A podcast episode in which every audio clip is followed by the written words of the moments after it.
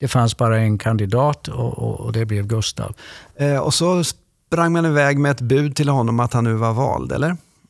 Ja, just det. Och eh, då var man tvungen att förhandla så att säga med även honom därför att eh, han låtsades, eller hur man nu ska säga, han avvisade det här budet.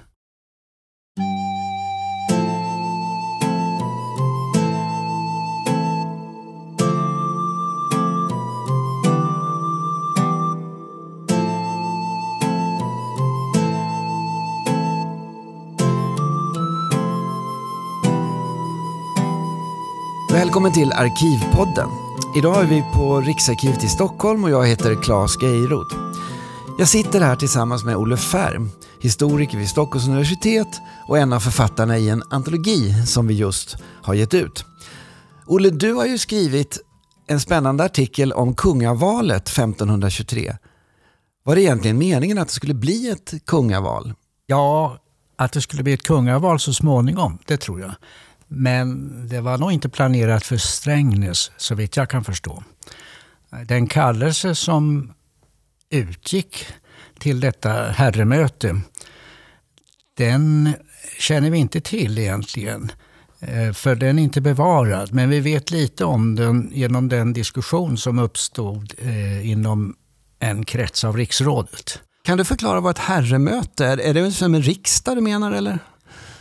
Herremöte innebär att det är en bred krets som samlas. Så det är inte bara en elit inom kyrkan eller inom adeln utan borgerskapet är med och förmodligen har också funnits eh, bönder med vid detta tillfälle.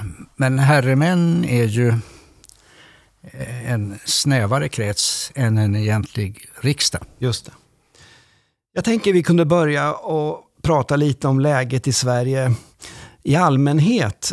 Eh, de flesta känner ju till att Stockholms blodbad har ägt rum här 1520 och att Gustav har lyckats bli vald till riksföreståndare 1521. Men var det då lugnt i Sverige 1523? 1523 var det mycket oroligt. För vad som började 1521 var ju ett uppror mot Kristian den andre. Eh, han som är en av de ansvariga för Stockholms blodbad.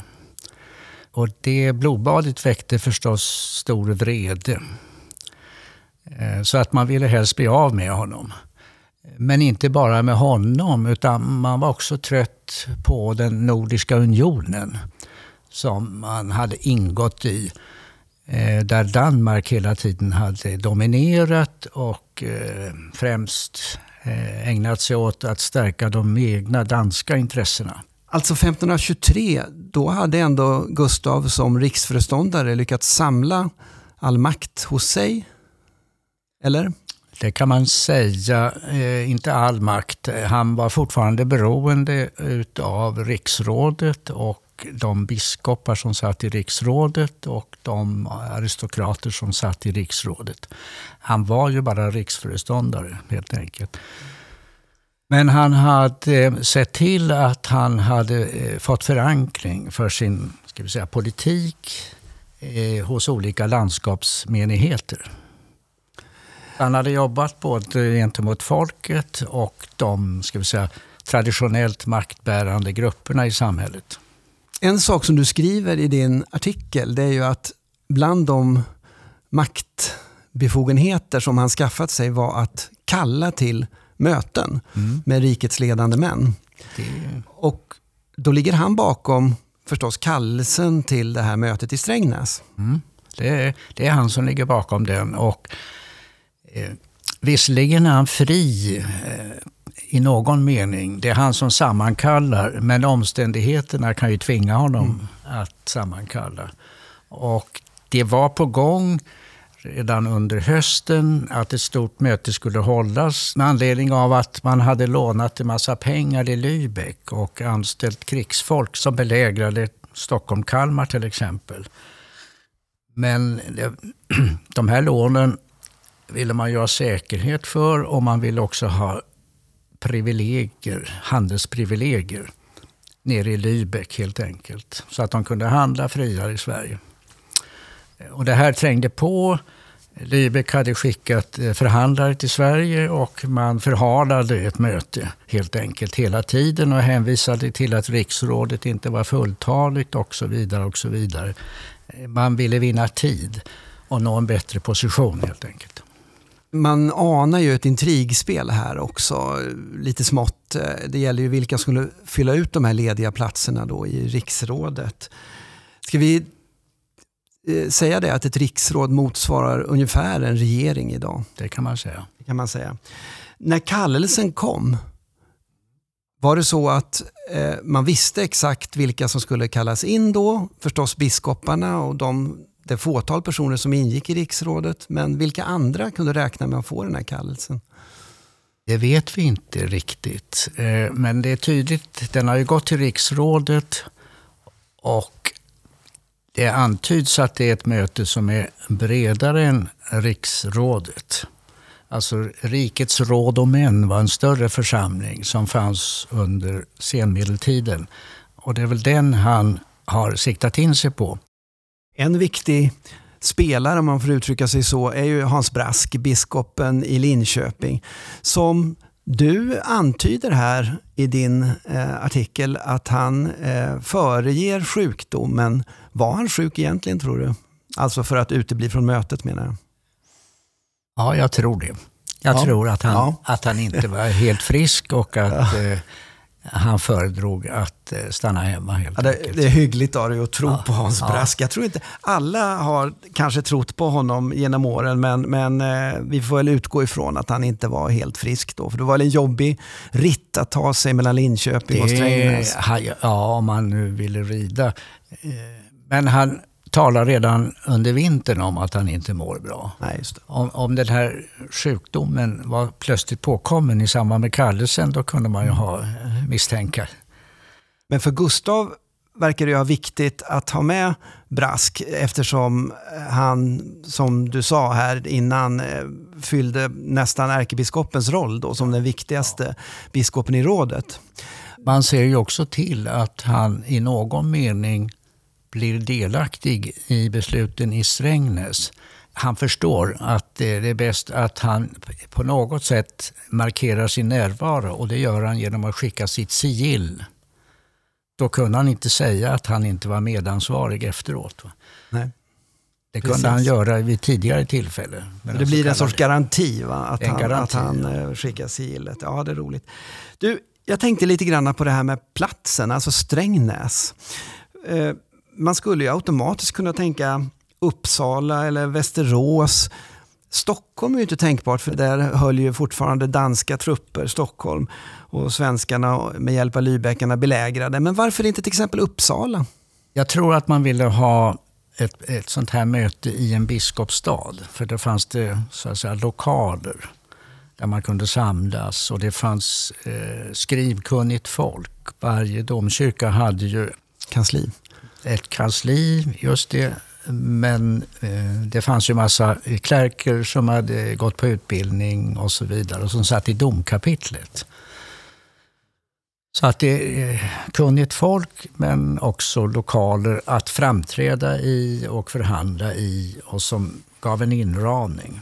Han litade inte på alla eh, de som satt i domkapitlet i Uppsala, det är alldeles klart. Och, eh, hur det var i Västerås? Nej, jag tror inte han gillade Västerås heller. Men det som talade egentligen för Strängnäs det var att det låg nära Stockholm.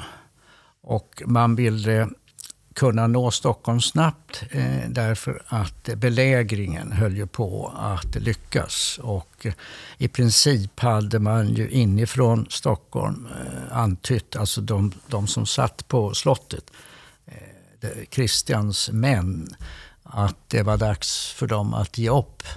Men de ville ha garantier och så vidare, så det, det var ett förhandlingsläge. Mm. Å andra sidan eh, var det problematiskt då för eh, riksföreståndaren. Han var ju beroende av de belägringstrupper som fanns runt Stockholm. Och vem hade betalat dem? Det var, det var ju Lübeck som hade betalat dem. Mellan Strängnäs och Stockholm så var det ju lämpligast vid den här tiden att åka båt förstås. Eh, hur lång tid tror du att det tog? Ett dygn eller? Det står att eh, eh de Lübeckska förhandlarna de kom med förlig vind till Strängnäs. De hade varit i Stockholm och, och, och kontrollerat att läget var okej, okay, att inget nytt hade inträffat. Och sen hade de åkt till Strängnäs. Ja, vad tar det att segla från Stockholm till Strängnäs med förlig vind? Det kan väl gå på en dag? Va? Ja, det är väl det man misstänker. Så det är praktiskt ur många aspekter. Olle, om man tittar på det här mötet som det har kallats till. Vilket skulle du säga var det ursprungliga syftet med det här mötet?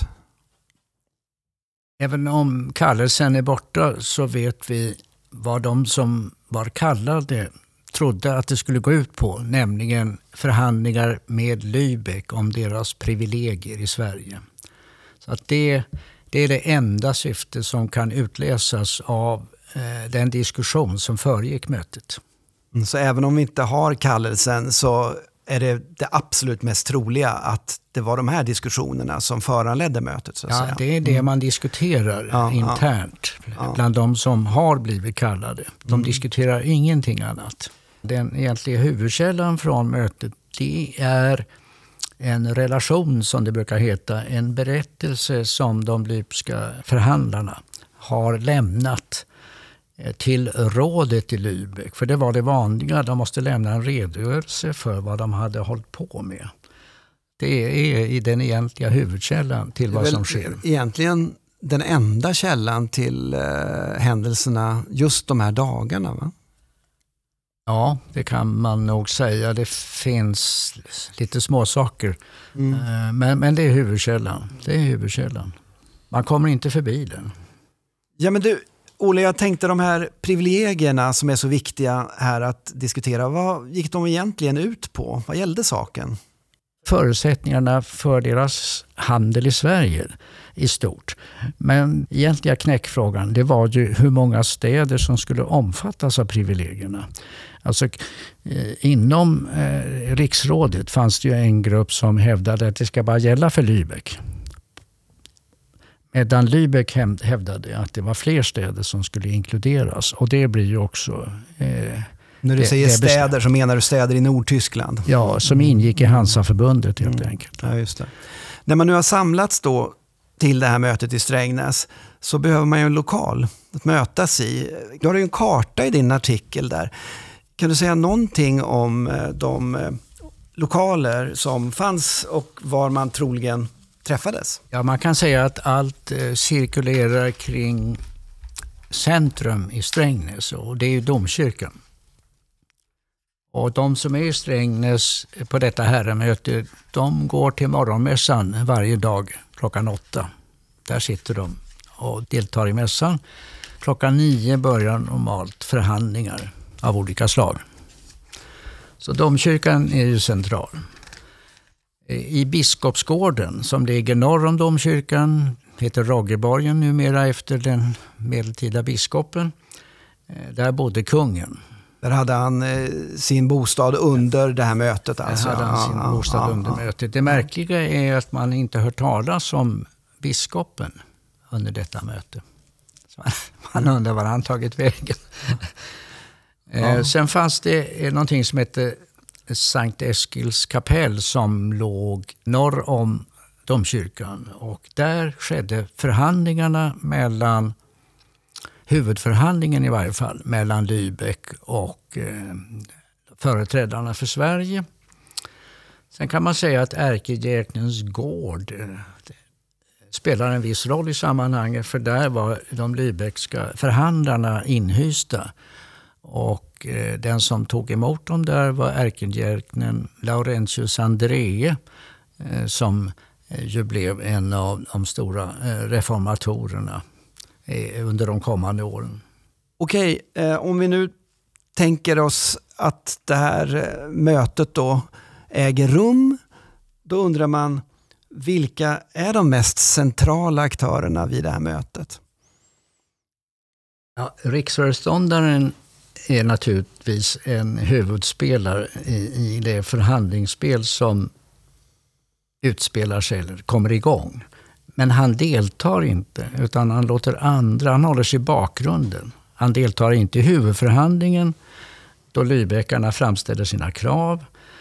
Sen tillsätts det en liten kommitté efteråt eh, med några personer ur riksrådet som får fortsätta att diskutera med de Lübeckska sändebuden. Jag tycker det här är så typiskt svenskt på något vis. Du beskriver i din artikel hur man tillsätter en expertgrupp.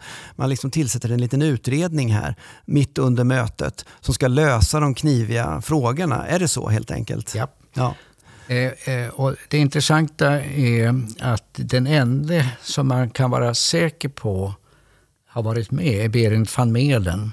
En saxisk riddare som kungen gjort till riksråd under detta möte. Eh, och Det hänger samman med naturligtvis att han är en van förhandlare i någon mening. Han talar flytande lågtyska, vilket ju är nödvändigt. Han kan läsa lågtyska eftersom privilegieförslaget är skrivet på lågtyska.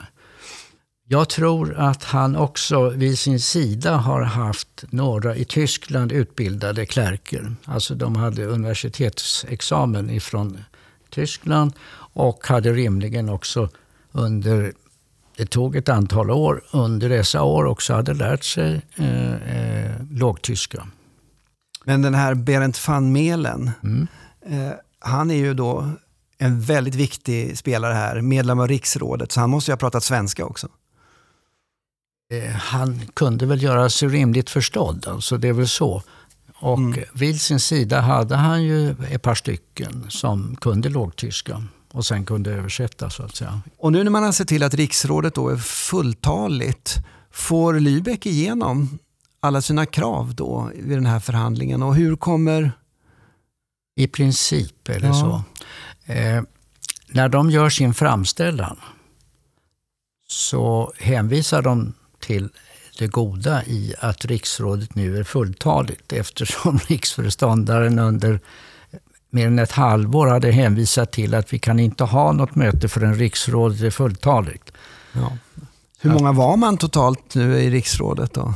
Det är ett tjugotal personer. Ett tjugotal personer. Mm. Och så några biskopar. Mm. Men då kan man säga att det finns ett hot inlagt i detta.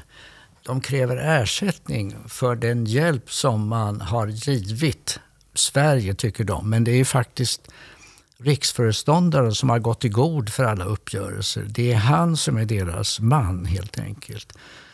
Och då ligger det i Lybeckarnas intresse att eh, den som har lovat dem massa saker också blir vald till kung.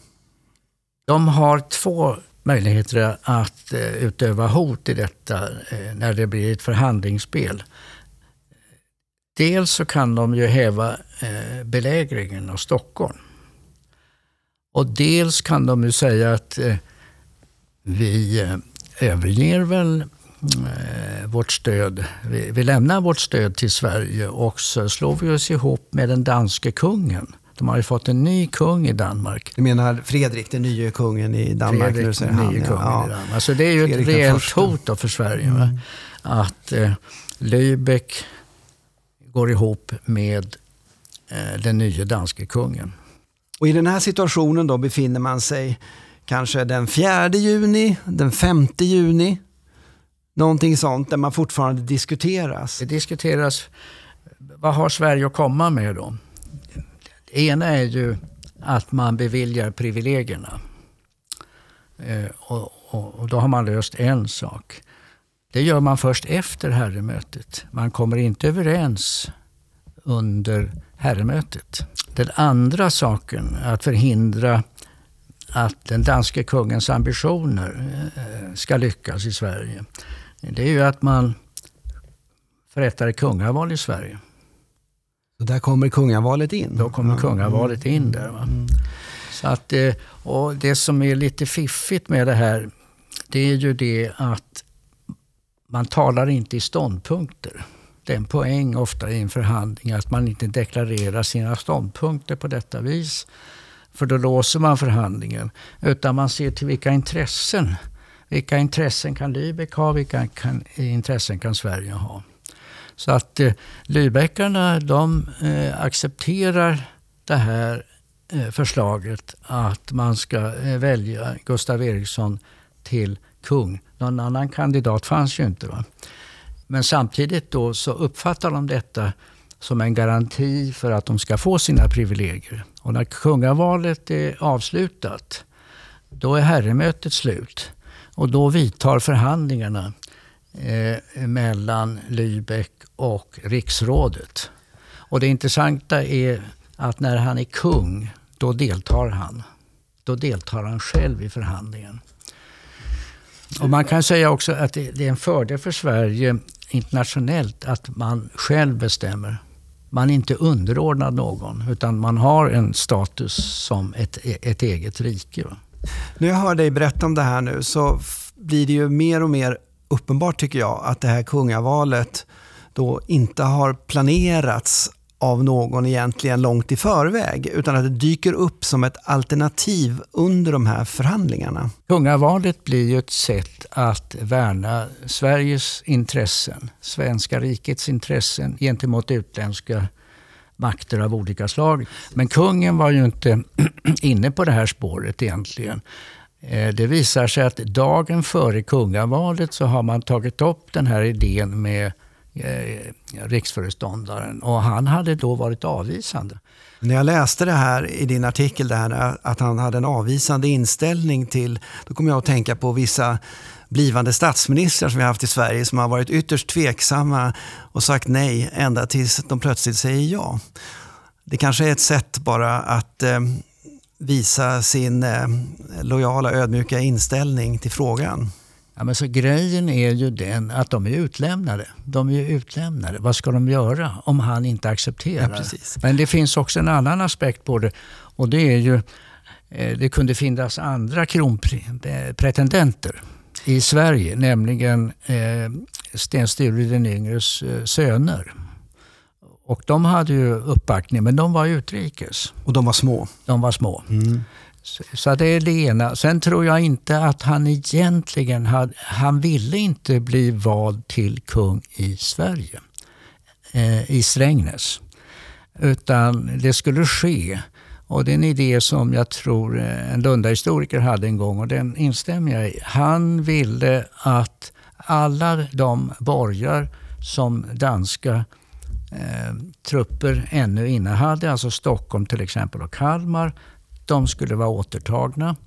Och eftersom han var en uppkomling och inte av kungligt blod, eh, som i vissa hänseenden var viktigt vid den här tiden, så ville han också bli vald eller hyllad på Mora sten.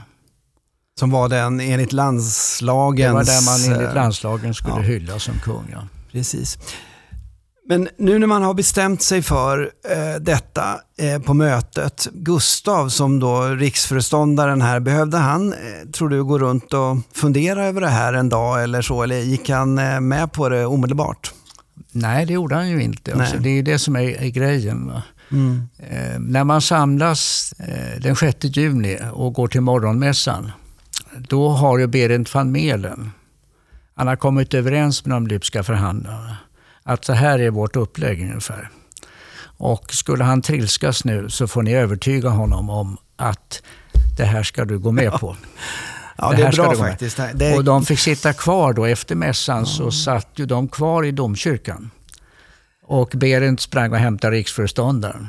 Det är en underbar situation du målar upp faktiskt. Han kunde ju då ha trilskat som sagt och, och så hade vi inte haft något kungaval. Och det, grejen var ju det att de här som förhandlade på svensk sida, de ansåg att när Lübeck hade gått med på kungavalet så kunde man inte neka dem eh, privilegier.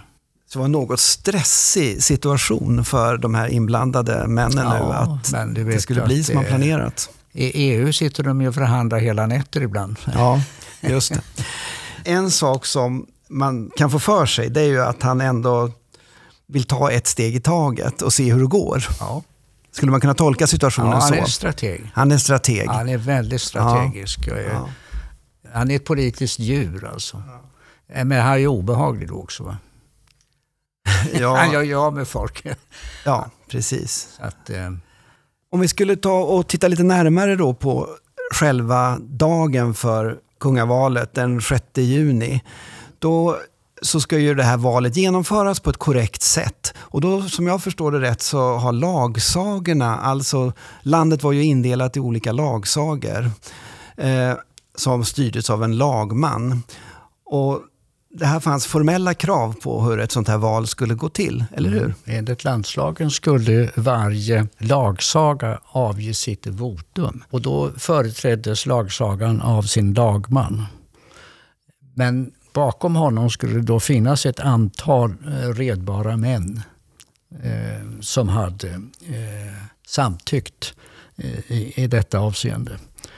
Han man med dig i Strängnäs? Nej, alltså när man till slut kom fram till att ett kungaval skulle hållas, då uppstod ju problemet, har vi tillräckligt med eh, Eh, legitima företrädare för de olika lagsagorna här? Nej, det hade man inte, därför man hade ju inte kallat till kungaval. Så då fick man laga efter läge så att säga. Eh, I en del fall, eh, Ture Jönsson Tre Rosor som var lagman i Västergötland och var främst i, i riksrådet av eh, de världsliga medlemmarna. Han fanns ju på plats och han hade ju med sig folk från Västergötland. Så Västergötland, där var det ju helt okej. Okay. Men det var ju flera lagmän som hade blivit utsedda under det här herremötet. Ja, det måste ha varit besvärligt för dem att skaka fram Ja, särskilt om, man bodde, särskilt om man bodde i Sörmland mm. och sen hade blivit lagman i Småland. Mm. Så hur gjorde man där? Jo, jag tror att det var så att eh, den lagmannen i Småland, han ställde upp med ett antal mannar bakom sig och det var hans hird helt enkelt. Menar hans vaktstyrka? Hans vaktstyrka, ja. Mm. ja men, eh, det har alltså inte kanske... Det gick på skruvar får man väl säga. Man kan säga att det här valet kom ju plötsligt på agendan. Ja. Det var ju ingenting som man hade planerat. Och skulle man ha vetat om det här, då hade man förstås sett till att utse lagmän och de fick så, se till att ha med sig eh, eh folk från sina lagsagor mm. för att genomföra det på rätt sätt. Men det här valet genomfördes ju väldigt hastigt, får man då säga. Ja. Var var man någonstans? Var befann man sig i Strängnäs? Man gick ju på morgonmässa klockan åtta och när morgonmässan var klar så gick man ut på sydsidan av domkyrkan så vitt jag förstår. Och där skedde Eh, en formell, eh, eh, en formell valprocedur. Olika lagsagor avgav sitt votum. Det fanns bara en kandidat och, det blev Gustav. Den som antecknade allting om detta valet var ju Laurentius André, ärkegäknen som hade de lypska sändebuden inhysta hos sig. Eh, Gustav själv var förstås inte med på han valmötet. Han satt eh, i Biskopsborgen och Han satt avvaktade. i Biskopsborgen, åt frukost kanske? Han kanske åt frukost, ja. ja. Eh, och så sprang man iväg med ett bud till honom att han nu var vald, eller? Ja, just det. Och då var man tvungen att förhandla, så att säga, med även honom därför att han ville, eller låtsades, eller hur man nu ska säga, han avvisade det här budet eh, av olika skäl. Eh, han hänvisade till Sturarna och så vidare. Det fanns andra kandidater. Han saknade kungligt blod. Och så saknade mm. han kungligt blod och så vidare. Men Berent Famelen hade med sig de lypska förhandlarna. Så de övertygade till slut riksföreståndaren om att han skulle acceptera det här budet om att bli kung i Sverige. Ja, ingenting är ju sådär superlätt som man tror när man, man bara läser att så genomförde man valet så var allting klart. Utan det var ju en viss process. Nu tror jag att vi befinner oss ungefär lördag vid lunchtid när Gustav till slut har accepterat det här valet. Och då måste man ju se till att vissa eder svärs, eller hur? Ja, och det, eh, det gör man man går till eh, den här platsen där man hade haft vissa förhandlingar, Sankt Eskils kapell. Där får kungen avlägga sin ed. Inne i eh, kapellet? Fick de plats alla människor? Nej, det jag kanske tror att, utanför. Det, det måste, hela sker Det måste utomhus. ske utanför. Ja. Det är ju muntligt. De som är närvarande måste kunna intyga att det har skett och att de har sett och hört och allt det där. Va? Så att kungen avlägger sin ed att hålla sig till anslag och så vidare. Och sen är det dags för folket att eh, eh avlägga sin trohetsed eh, gentemot den nyvalde kungen. Och då företräds folket av lagmännen i de olika lagsagorna. Sen är det klart. Sen är det klart. Sen eh, var det ju eh, återstoden av förhandlingarna och så vidare som skulle följa veckan efter. Men på söndagen, då måste ju den nyvalde kungen ha varit närvarande då vid den mässa ja. som firades i Strängnäs. Det är ordnat eh, ordentligt. Så att man träffas ju eh, innan mässan ska äga rum och så är det procession. Eh, både klärker ifrån Strängnäs och sen är det kungen. Och där passar man ju på att ge Lybäckarna en förmånlig status så att säga. När de går in i domkyrkan så går de på varsin sida om kungen. Va? Och så står det att det är tysk adel framför kungen ungefär och svensk adel bakom, vilket ju tyder på att de här Lübeckska förhandlarna hade nog en vaktstyrka med sig till Strängnäs. Och sen inne i kyrkan då så utropar eh, återigen Laurentius André eh, Gustav Eriksson som Sveriges kung. Och de sjunger Te Deum Laudamus, Gud vill lovprisa dig och så vidare. Det här är ju en, en rakt igenom katolsk ceremoni. Det är rakt igenom. Att, ja. Dessutom går han ju med den invigda hostian, har de satt på hans huvud. Nattvardsbrödet. Just det.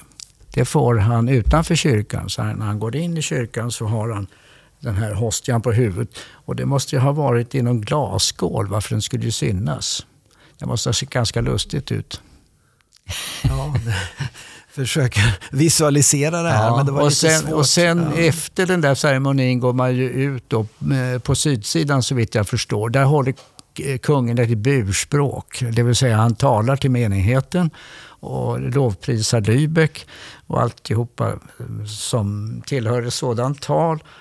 Och, och sen så eh, hurrar man ungefär eh, högt eh, och att man aldrig ska eh, hamna i fiendskap med, med Lübeck. Och sen börjar förhandlingarna dagen efter och då är de ju inte sams igen. Precis. En fråga som måste ställas är ju, hade man inte en rejäl fest också för att fira att man hade genomfört det här ja, valet? Eh, jag, jag, tror det. Vilken dag var det? Lördagen eller söndagen? Jag tror att det var på lördagen. På lördagen. Mm. Mm. Men det står bara kungen återvände till sitt med, med några stycken. Va? Men då får vi, jag tycker vi tillåter oss. Och... Att, eh, jag räknar med att eh, riksrådet och eh, de lypska förhandlarna ingick och så några, Laurentius Andrea naturligtvis. Mm. Det märkliga är ju att biskopen i Strängnäs, han omtalas Han är helt inte. osynlig. Han är helt osynlig. Ja. Eh, en sak som jag har tänkt på eh, när det gäller det här kungavalet, det är ju att en kung ska ju inte bara utses, väljas och bli kung, utan ska ju krönas också. Ja. Varför får vi inte en kröning här i Strängnäs, utan måste vänta ända till 1528? Så det tar fem år innan kungen låter sig krönas. Har du någon förklaring på det? Jag tror att det fanns en del eh, som han ville få undanstökat först. Mm. Helt enkelt. Så det händer ju eh, väldigt mycket de närmaste åren. Mm. 1526 kommer Nya Testamentet på svenska. Eh, han har ju gjort eh, Laurentius André till sin kansler. Och han var precis som Olaus Petri in, inne på ett reformatorisk förändring. Men kröningen är ju den yttersta så att säga, handlingen ja. där man smörjs till kung. Mm. Och krona på huvudet. Ja, kronan på huvudet. Nu har vi ju gått igenom händelseförloppet och vi har pratat om en massa personer. Är det någon person här som du känner att du skulle vilja vara? Inte någon av huvudpersonerna utan någon som stod vid sidan av och kunde se på ett, det som väldigt, hände. väldigt försiktigt svar tycker jag. Mm. Någon slags vittne till vad som sker. Det hade varit intressant. Så kunde jag ju tecknat ner det också så hade vi haft en källa till, en förutom källa till, ja. Lybäckarnas eh, relation. Ja men Olle, då säger jag tack så mycket för en väldigt spännande intressant diskussion. Ja, tack för att jag fick komma. Orsaken till att du har fått komma det är ju att du har skrivit en artikel till en bok, nämligen Sverige 1523. Och den här boken, den har ju då, förutom din analys av händelserna runt 6 juni, så finns det också en hel del annat att säga om året 1523. Så den här boken försöker ge en bild av hela Sverige. För det var ett stort rike. Och det gäller då alltså vilka språk man talade, vad man åt för någonting, vad man trodde på, eh, vilken konst man såg i kyrkorna, hur den ekonomiska situationen såg ut för män och kvinnor. Ja, hur såg kvinnans situation ut? Eh, hur såg samernas situation ut? Finnarnas? Det finns väldigt mycket mer att läsa om 1523 i den här boken. Då säger vi tack så mycket och den jag lyssnar till är en podd från Riksarkivet.